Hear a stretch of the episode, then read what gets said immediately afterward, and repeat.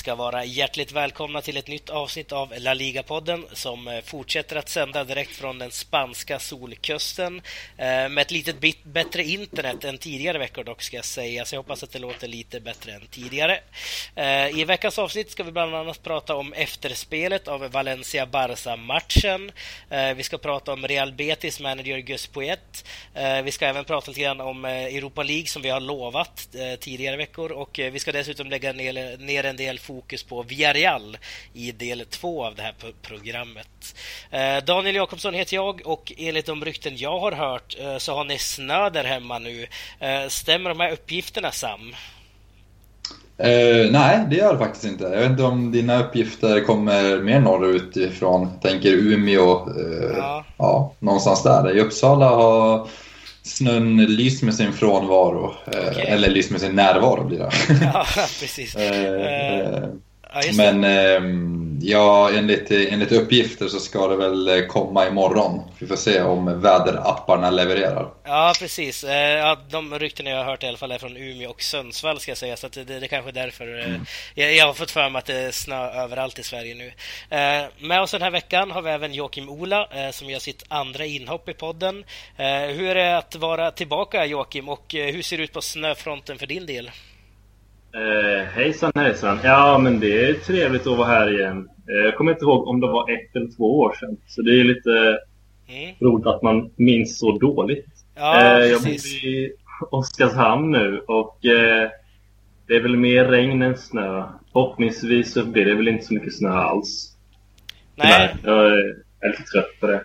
ja, just det. Du har ju bott här uppe i Umeå med där jag bodde. Eller här ja. uppe, nu är jag ju nere i Malaga. Men uh, tidigare så är Umeå, vi sa ju det innan sändningen också, att vi stötte faktiskt på varandra uh, för, för några månader sedan. Uh, och du, du är den enda egentligen gästen som jag har träffat också tidigare. så det är lite kul. Ja. Men jag tänkte att vi skulle snacka om... Eh, nu tappar jag bort mig lite grann här. Men eh, för, första programpunkten, eh, veckans fråga som vi alltid har. Eh, och inskickad av Fredrik Berg till våran eh, Gmail-adress laligapodden.gmail.com och eh, dit kan ni gärna skicka in era, era frågor, era synpunkter och era ämnen som ni vill att vi ska ta upp.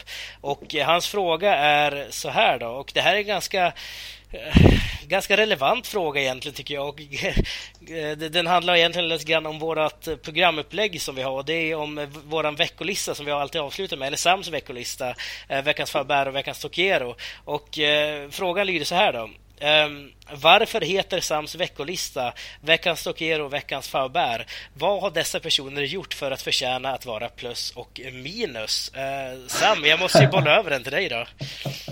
Ja, det känns som att den frågan är direkt riktad mot mig. Mm. Eh, eller till mig. Så att, eh, det är klart jag ska svara på den. Och eh, frågan är väl eh, snarare vad har de här personerna inte gjort för att förtjäna att de är på en sån ärofylld lista.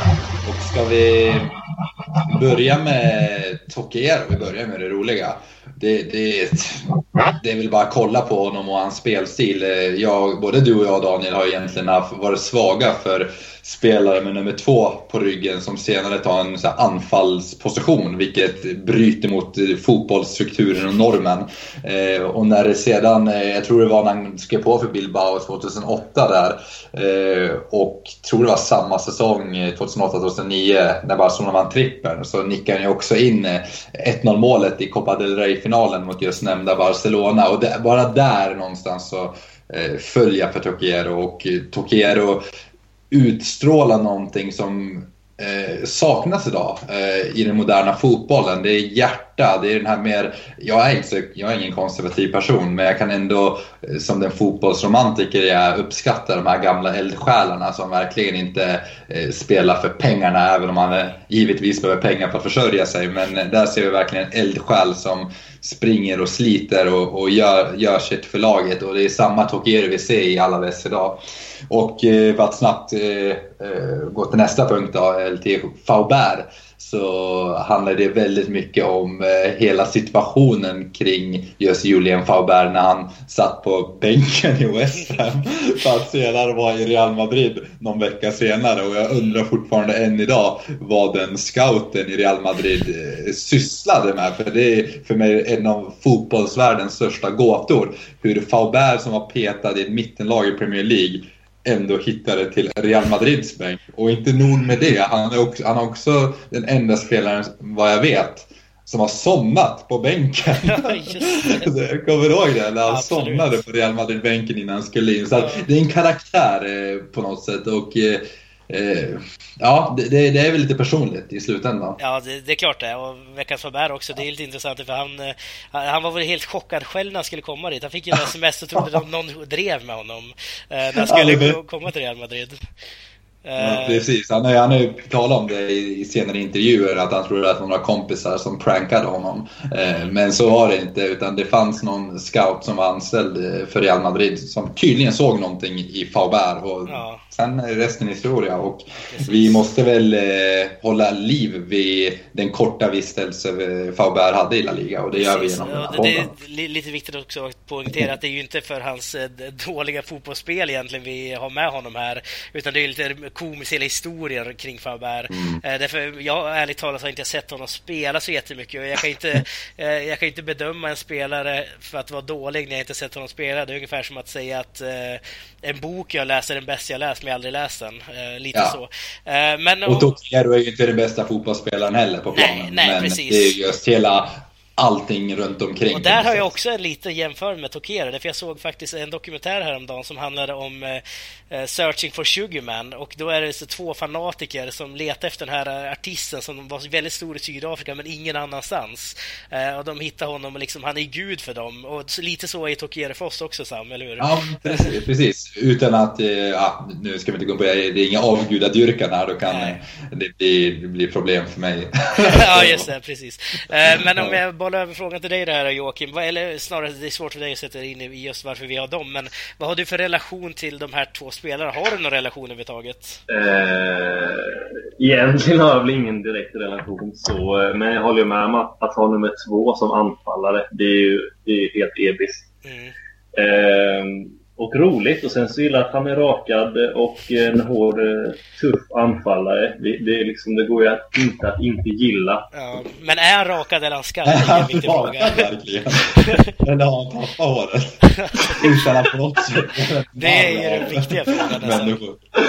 Ja, det är en väldigt bra fråga. Den har jag inte ja. Eller så har han en väldigt bra rak apparat som verkligen kör noll millimeter. Ja. Det var länge sedan jag såg honom. Ja, det var som ja. Barces liksom, när han tog väl rakhyveln på skallen, men han var väl också lite egentligen. Ja, skitsamma, men vi, vi droppar ja. den och vi tackar så jättemycket för frågan Fredrik Berg. Det var väldigt roligt att du faktiskt ställde den frågan, att ingen annan gjort det tidigare. Lite. Varför inte vi har ställt den också, en ganska rolig fråga. Ja, det är kul att ingen har, eller det är lite intressant att ingen har reflekterat, alla har bara accepterat det fram ja, till idag. Ja, ja, lite så det var det. Men vi tackar så mycket för frågan. Ja, vi tackar så mycket för frågan och eh, hoppas vi fick svar på den. Eh, som sagt, skicka in era frågor och eh, ämnen och synpunkter till laligapodden gmail.com så kanske vi tar upp det nästa vecka.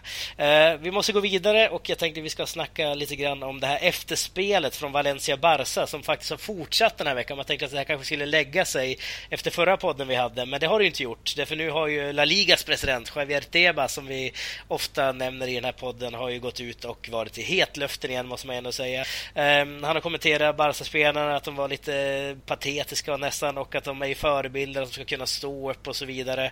Eh, då, då hänvisar tillbaka till den här vattenflaskan som alltså flög in i eh, den här lilla hården av eh, Barca-spelare. Um, om, vi tar det här uttalandet i sig, Joakim. Um, hur ser du på det? Va, vad tycker du om säger här? Eh, jag såg ju matchen och jag såg ju själva incidenten, om man säger. Och det första man slås av är att alla Barca-spelarna bara ramlar ihop eh, när det är en eller max två som blir träffar av en vattenflaska. Så det ser ju väldigt eh, pinsamt och generande ut. Eh, alla ser ju bara vad som egentligen händer. Eh, så jag kan ju på sätt och vis förstå Tebas.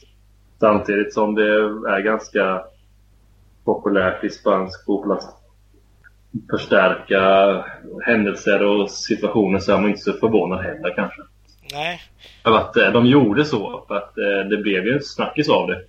Precis, man lägger ju ändå fokus på det här vad Barca-spelarna gör och inte kanske säkerheten på sin egen arena. Hur ser du på det? Ja, det är lite synd för det är ju egentligen helt fel.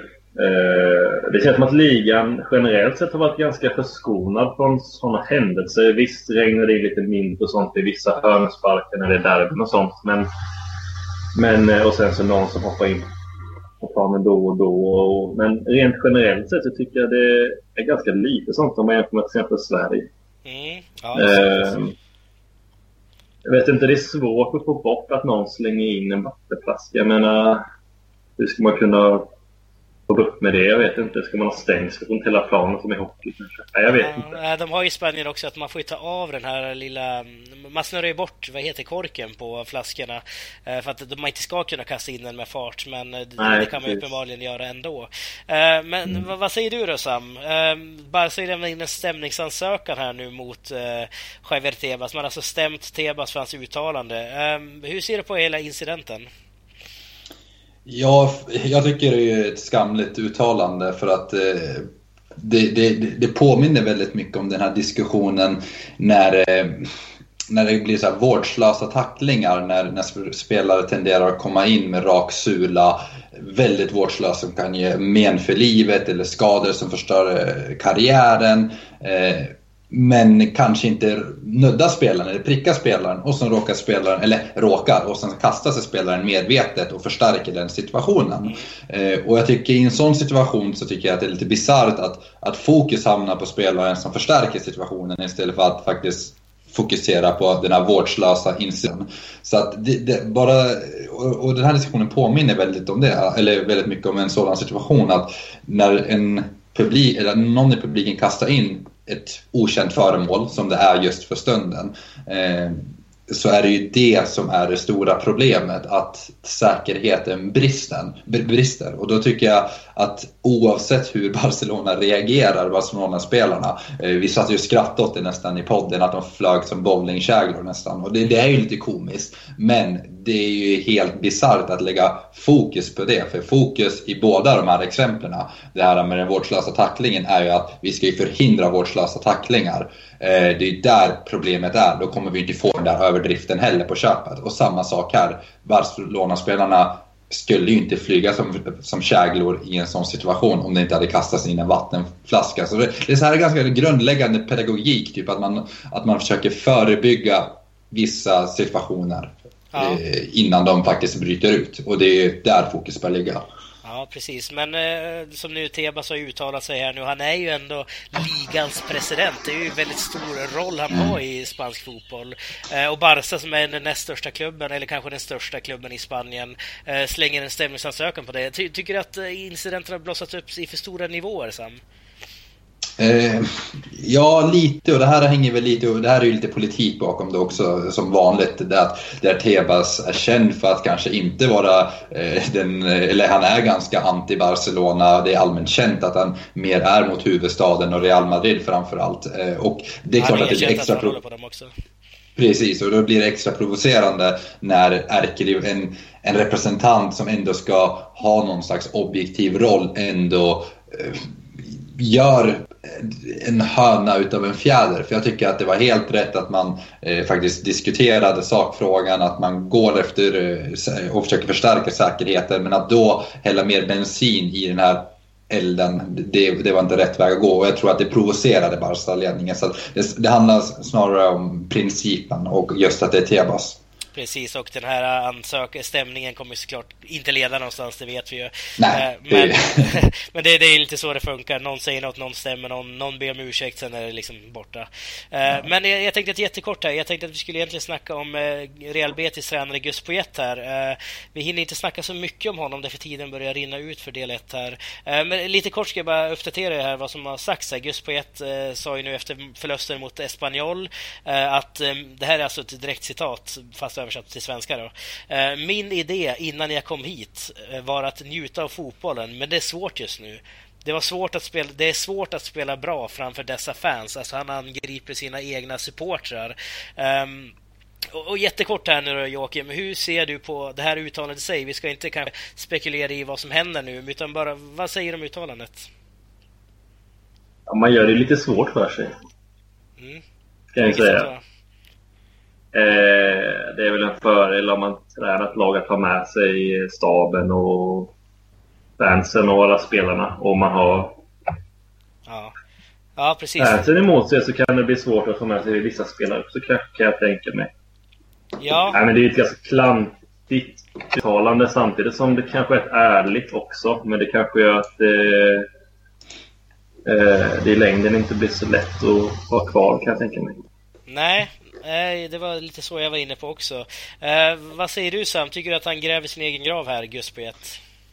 Eh, ja, och sen tror jag att det är lite i stundens hetta. Det här eh, kom ändå efter en blytung förlust eh, mot Espanyol och det var väl det här mitt, eller ja, det, de är lite nedre halvan då från mitten. Men det var ju ett oerhört viktigt, eller en oerhört viktig match där både Kiki Sanchez Flores och Gus Poetare pressade.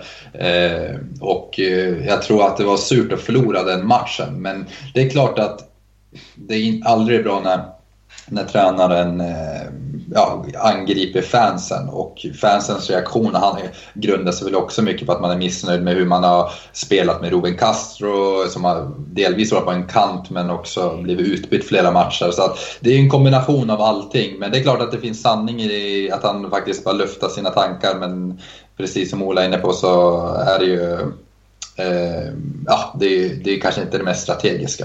Nej, precis. Det, det påminner lite grann om Nuno Espirito Santo tycker jag också, när han fick sparken, när han petade Negredo och så vidare. Uh, men uh, vi ska faktiskt sätta stopp här för del 1 och uh, när vi är tillbaka ska vi snacka om Villarreal.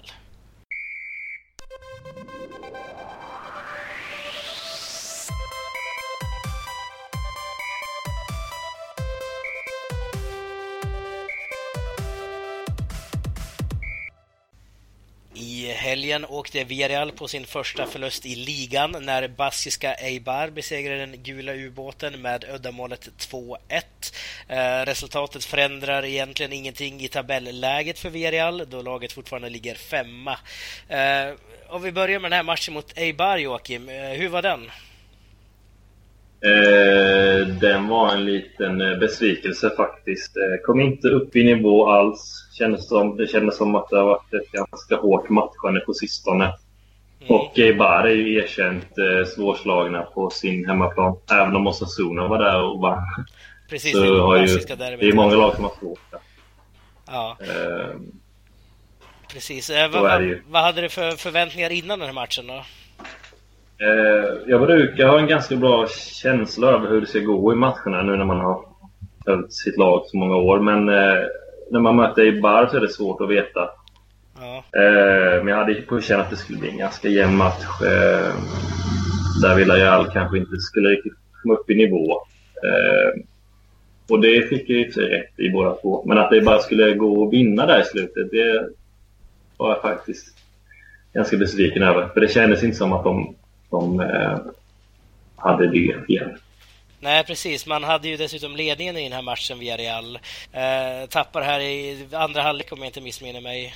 Um, och eh, hur ser du på den här matchen Sam? Eh, varför tappar Villarreal det här? Ja, men jag är väldigt inne på samma spår. att det, det, jag hade väl förväntat mig en väldigt jämn match men sen hade jag väl eh, lite, jag trodde när, när eh, det var tio minuter kvar om ledningen där att man skulle hålla, hålla ut och det, det, de kom inte upp i riktigt i sin normala standard. Det egentligen gjorde så att jag skulle skulle säga att det var egentligen tillfälligheter och eh, när Pedro Leon gjorde det där 2-1 målet så fick jag lägga på någon så taktisk miss från Escriva eller, eh, eller att Mendelibar för den delen gjorde någon taktisk triumf. Utan det var en, en jämn match där, små marginaler avgjorde. Jag tror att eh, vi hade suttit här och inte gjort någon annorlunda analys även om det hade slutat 0-1 för Villarreal.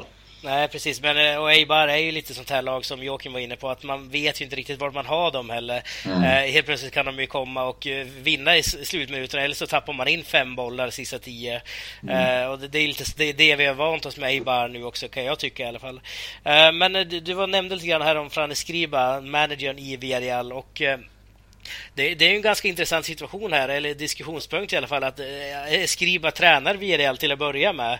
Eh, I och med att eh, vi, vi har ju nosat lite grann på det här tidigare i tidigare pods.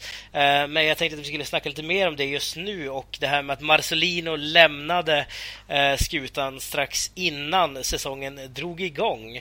Ehm, jag tror det var två, tre veckor innan. Uh, Joakim, kan du ge oss lite klar, eller bring some light to this? Uh, varför lämnade Marcelino och varför kom Frane Skriba in? Ja, Marcelino är väl den kanske mest eh, framgångsrika tränaren som vi lär ha haft i, eh, ihop med Pellegrini. Så att, att, han lämnade var ju som en blixt från klar himmel. Definitivt. Jag trodde inte mina ögon den, eh, den här morgonen när jag gick in på eh, Villarreal eh, USAs hemsida och så att han hade fått sparken. Ehm, men han var inte speciellt omtyckt av eh, fansen och inte speciellt omtyckt av ganska många spelare. Och när presidenten till slut också fick nog av hans så fick han väl sparken helt enkelt eftersom att eh, Marcelino kände, eh, han kände väl att eh, det började gå ganska bra. Han hade ganska mycket att eh, säga till om i vad gällde värva spelare etc.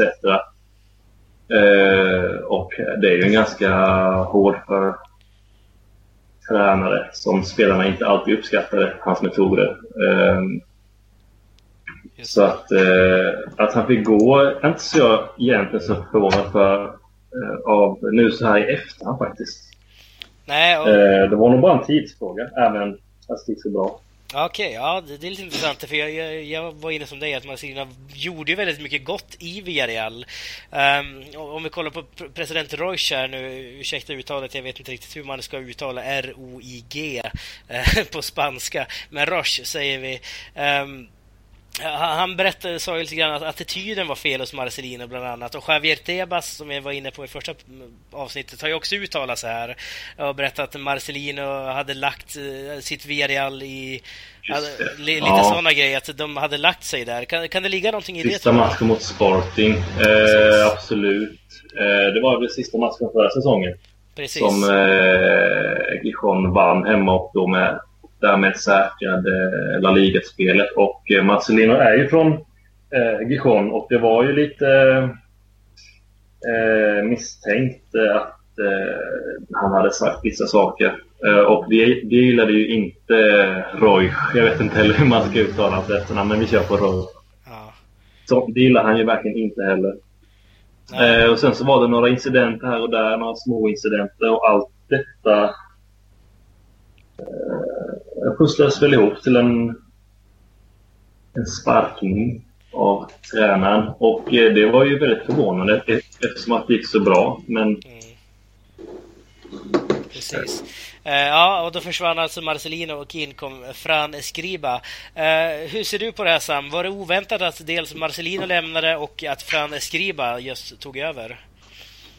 Eh, ja, jag blev också lika chockad när Marcelino fick lämna där i augusti precis innan CL-kvalet skulle köra igång. Det var kanske det sämsta som kunde hända via rent sportsligt och det förklarar väl också varför vi inte har fem lag i Champions League denna säsong.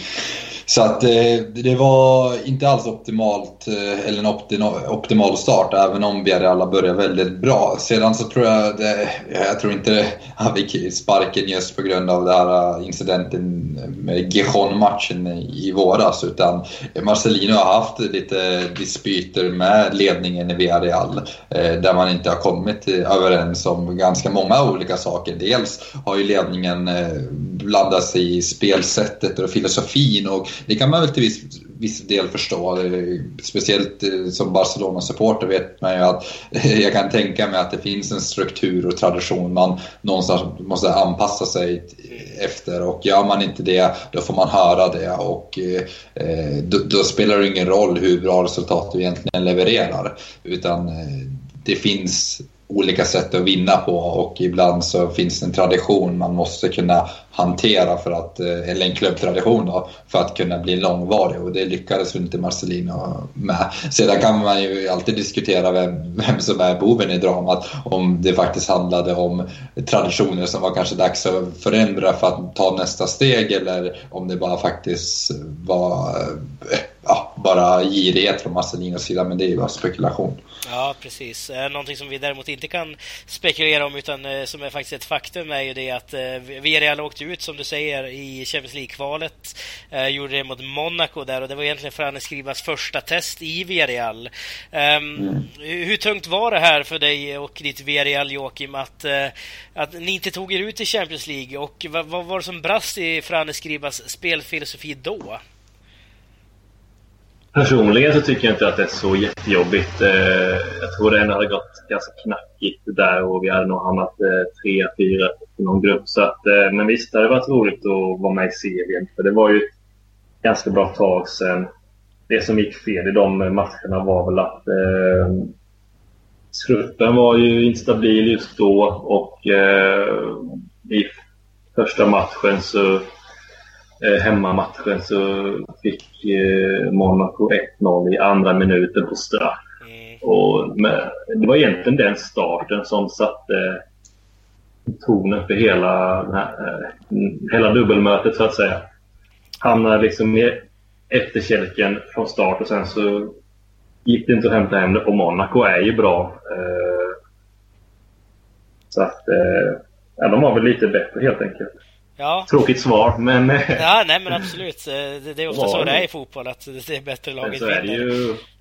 Sen så är det hårt att se Napoli leda sin CL-grupp, eller jag fel? Och sen så le, eh, de här tyska Bayer Leverkusen som eh, är två lag som Villarreal slog ut eh, i Europa League, men som nu spelar CL. Så att, mm. ja, det ja. känns ju lite bittert på det sättet. Ja, det förstår jag. Eh, du, du nämnde lite grann om truppen här också, att den kanske inte är tillräckligt bra för Champions League. Um, hur ser du på VRLs trupp, Sam? Uh, har man en kompetent, kompetent uh, trupp för att kunna utmana på två fronter eller tre fronter? Ja, kompetent trupp har man definitivt. Sedan kan man väl, eh, precis som du är inne på, ifrågasätta bredden och om vissa spelare går sönder så finns det väl kanske, e- kanske inte ersättarna eh, av, ja, ersättarna kanske inte av högsta kvalitet för att kunna vara med och konkurrera på alla olika, eller i alla olika nivåer som CL och i ligan och i cupen och så vidare. Men eh, om vi bara ska kolla på vad, vad, man faktiskt har att tillgå så är det ju ett eh, ja, spelare som har varit med med väldigt länge. Jag är väldigt förtjust i gamle gode Bruno som alltid levererar känns det som. Eh, man har eh, Sassone som har gjort det riktigt bra den här säsongen.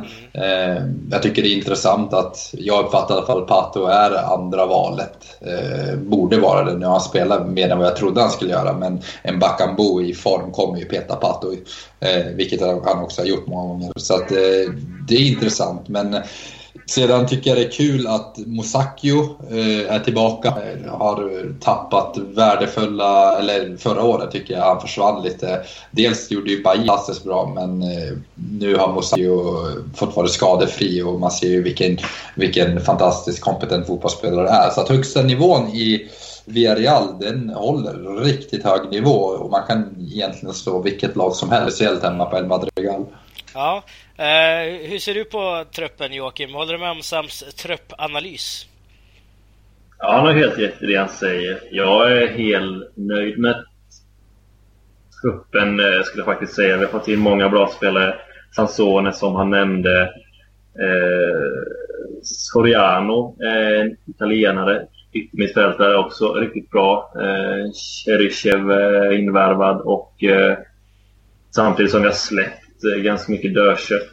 Eh, så att jag tycker att det är kanske den bästa truppen på...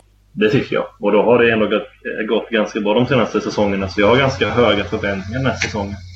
Ja, Ja, ja. Det, det, har man väl nästan alltid på VRL tänkte jag säga i och med eh, den historia som ändå finns, eller den här nymoderna historien som ändå finns kring VRL. Um, ehm, mm.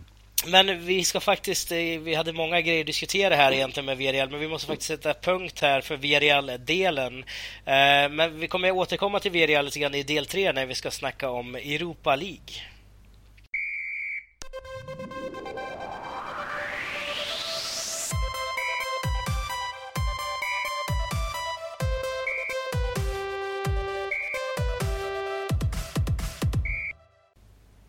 Vi har i tidigare avsnitt nästan uteslutet pratat om Champions League när det kommer till Europasnacket.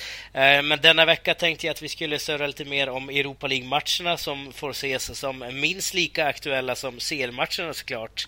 Eh, vi har tre representanter med från Spanien i Europa League eh, och det är då nyss nämnda Villarreal, Eh, Celta Vigo och Athletic Club Bilbao. Eh, om vi börjar med en liten filosofisk fråga till dig Sam. Eh, du som ändå har en filosofikandidatexamen och allting. Ehm, vad är Europa League för turnering enligt dig? ja, det var en bra fråga. Hur ska man ge ett eh, filosofiskt svar på det här? Ehm, ja, men för mig är det eh, Europas andra ehm, största turnering helt klart. Eh, och eh, jag skulle vilja säga att den, det är den turnering där man om man bara kollar på kunskap och hur man kan mäta kunskap eh, så är det väl kanske där man kan kanske dra någon, någon slags slutsats vad, vilken liga som har de starkaste mittenlagen. Mm. alltså det finns brister i den analysen men eh, jag tror väl rent, eh, inte kanske det filosofiskt men eh, rent empiriskt i alla fall. Sen finns det, kan man filosofera vidare och säga att det finns problem med vad som definieras med starkast och bäst och så vidare. Ja men om du motiverar hur du ser på det då? Nej men jag är väl nog inne på lite på det, på det spåret. Dels så, kanske inte att man kan säga vem som är bäst, men att den någonstans ska mäta eh, det mittenskikten i, i de olika ligorna. Men samtidigt så är jag väl medveten om begränsningarna. Att det, det är precis som Champions League handlar eh, om små vinner. Så eh, ur den aspekten skiljer det inte så mycket utan det är snarare ett sätt att förena Europa och göra mer prestige av det. Ja, Härligt. Um, det, det, var lite filosofiskt svar på det där och nu ska vi gå in lite mer på uh, de, de, här grupperna då, alltså Celtas grupp, Athletics grupp och Villarreals grupp. Uh, och om vi börjar med ditt Villarreal då Joakim. Um, ni, ni, toppar ju, om jag får säga ni, det gör man ju ofta i sådana här sammanhang, uh, toppar ju den här gruppen i Europa League um, med fem poäng, med en seger, två kryss om jag inte missminner mig nu. jag har inte gruppen framför mig, men Eh, Villarreal möter ju då de här, det turkiska laget Osman Lispor som jag faktiskt aldrig hört talas om tidigare. Eh, man möter dem alltså nu på torsdag och, eh, och om vi kollar på gruppen för Villarreal här nu. Hur ser det ut för eh, Villarreal just nu, eh, Joakim? Eh, ja, de leder gruppen med en poäng före Osman Lispor och Zürich som båda ligger på fyra poäng. Så det ser ju rätt okej okay ut med tanke på att man har två hemmamatcher hemmamatcher kvar då. Och hemmamatcherna bör man väl sopa hem liksom. Mm. Eh, men man har ju Osman Lispor som du var inne på som jag heller aldrig hade hört talas om eh, innan. Eh, och SC Zürich som ironiskt nog ligger i andra divisionen. Men de vann tydligen kuppen så de fick ju spela, spela Europaspel. Ja, det är så pass. Mm. Ja, jag för mig att det är så. Och sen mötte de ju Stoja, eller hur det uttalas. Ja, Stoja, ja precis. Eh, ja. Och eh, de tre lagen är ju förhållandevis eh, ganska dåliga. Eh, så det där borde man ju ringa hem ganska enkelt. Vilket man också kommer att göra. Ja. Eh, frågan är vilket av de andra tre lagen som kommer att gå vidare tillsammans med Villarreal. Och ja. det är ju egentligen ingen intressant fråga heller.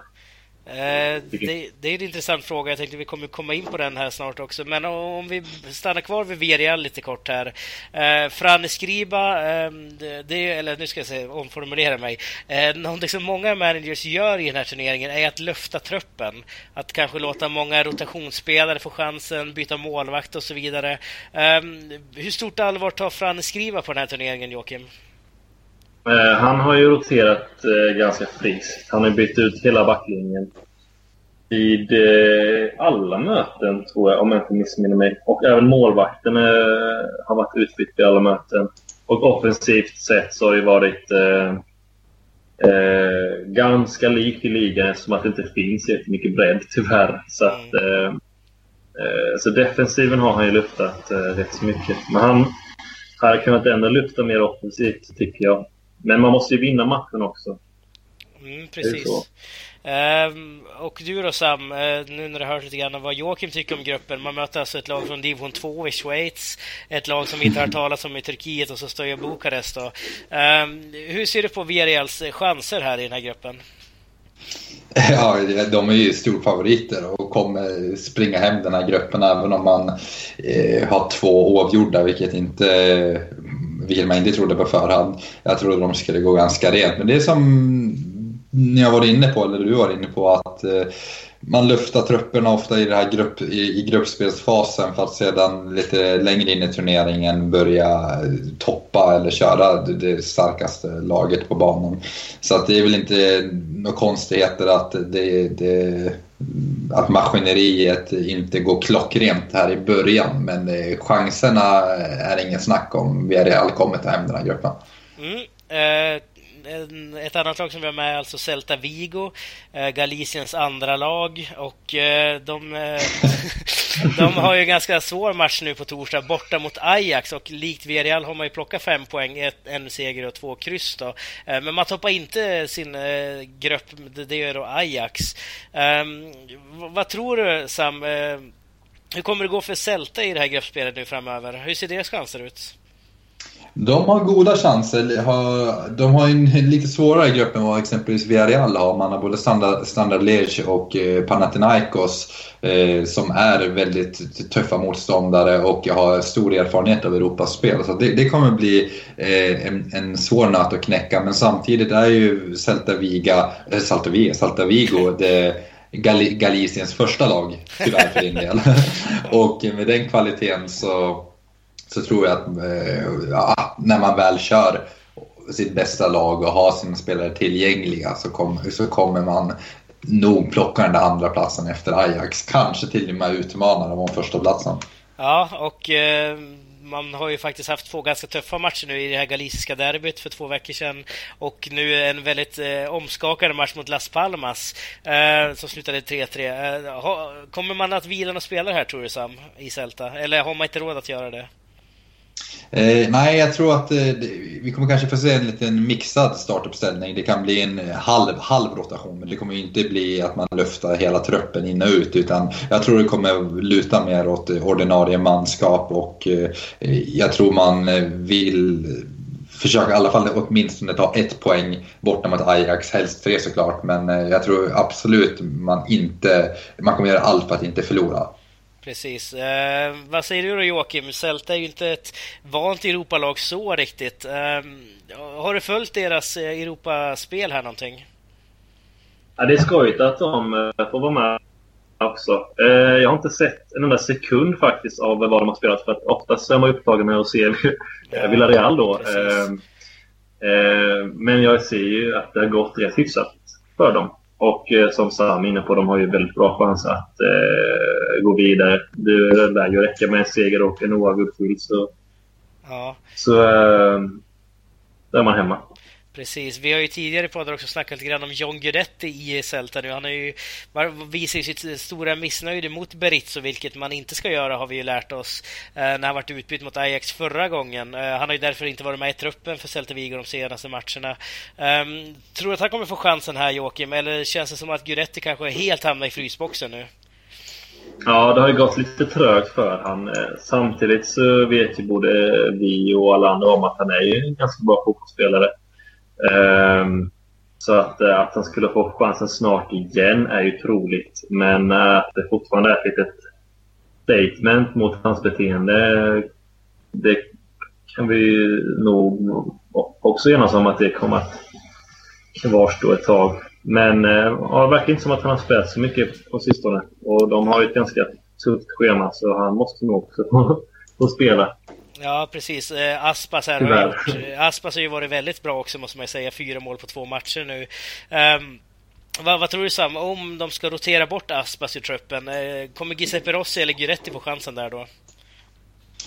Ja, det, det det är Eh, svårt att svara på. Jag hoppas såklart att Guidetti får chansen men eh, de indikationer man kan, eller har kunnat läsa av från Berizzo är ju att eh, förtroendet är inte det starkaste och det är många spelare som går före Guidetti just nu. Både Bevo, eller Bevo, Bongonda och och nämnda Rossi då, går ju före. Så att jag, jag skulle inte bli förvånad om han inte får chansen. Så att det, det ser tungt ut tyvärr när det kommer till Svenskkollen. Och eh, jag tror att den här veckan kommer bli väldigt avgörande. För skulle han inte få chansen då tror jag att det här kan vara det sista vi ser av John Guidetti Sällskap. Mm, ja, det skulle vara jättetråkigt såklart.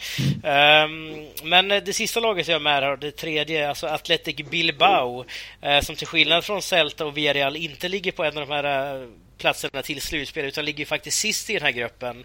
Uh, har ju en väldigt, väldigt viktig match här nu mot Schenk eh, hemma som man får se som en ödesmatch för deras framtid i Europa League. Uh, de roterade ju en hel del i laget här, Atletic, de första två Europa League-matcherna, men ställer ju upp med typ det bästa laget de hade mot Genk här förra matchen när de var hemma. Uh, nej, borta blir det. Uh, varför har de haft så tufft Atletic, uh, Joakim, i Europa League i år? Ja, de har en ganska svår grupp har de ju. Eh, eh, likt Celta Vigo så har jag inte heller sett eh, Bilbao spela något i Europa League. Jag vet ju hur, hur duktiga de är i La Liga. Så att det är lite förvånande att de ligger sist i gruppen. Sen ska man ju komma ihåg att eh, de har spelat två bortamatcher och förlorat dem. Sen har de spelat en hemmamatch och vunnit den. Och nu har de två hemmamatcher kvar. Eh, så att eh, om de eh, vinner sina hemmamatcher så har de ju liksom fortfarande en väldigt bra chans. Så att, eh, jag tror faktiskt att eh, de kommer vända på skutan här och ta sig vidare. Fast de ligger sist efter halv. Ja, precis. Ganska viktiga hemmamatcher här nu mot Schenk då, som sagt. Eh, hur ser du på det här Sam?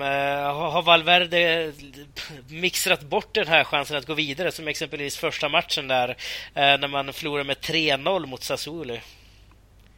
Nej, alltså det finns fortfarande tid att eh, fixa till detta och jag tror att fokus har varit eh, 100% på ligan och man har gjort det väldigt bra i ligan. Nu är det lite olyckligt att man kommer in, in för eh, Genk-matchen med en relativt halvtaskig form där man inte har vunnit över tre matcher. Men jag tror, precis som Joakim var inne på, man har två matcher kvar, man har ändå allt i egna händer. Det är klart man måste vinna, slå Genk nu och det kom, jag tror man kommer göra det för deras högsta nivå håller hög internationell klass. Så lyckas man ta sex poäng här mot Genk och Sassuolo i, på San Mames, då, då ska det ju mycket till att de inte går vidare. Så ja, det, blir, det blir spännande att se. Det blir de eh, nästkommande, ja, de två nästkommande matcherna som avgör ödet helt enkelt. Och det, jag tror Valverde kommer eh, prioritera Europa League lite mer nu eh, de närmsta veckorna. Okej, okay, så du tror han kör med bästa laget här nu på torsdag mot Genk hemma?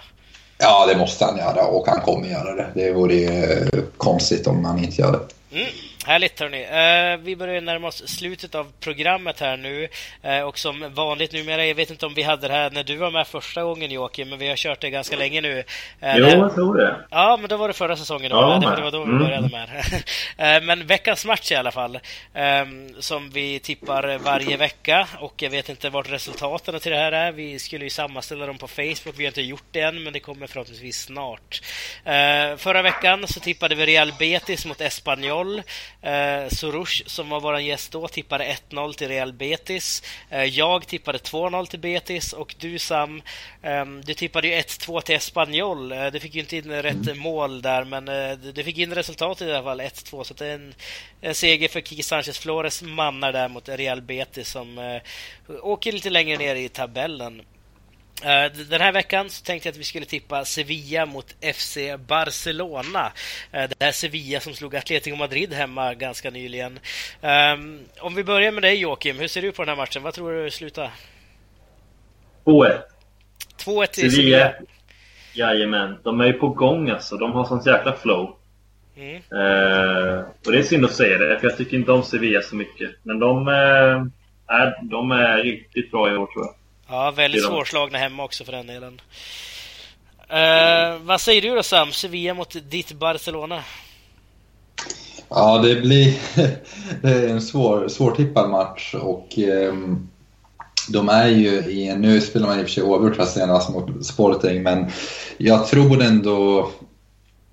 Ja, men jag, jag kör nog på ett kryss 2-2 eh, låter ganska rimligt. 2-2, det var faktiskt exakt det jag skulle säga. Eh, ja. Jag tänkte att Sevilla kommer ju inte hålla tätt och Barca kommer nog inte heller hålla tätt när de är där eh, på Pichuan.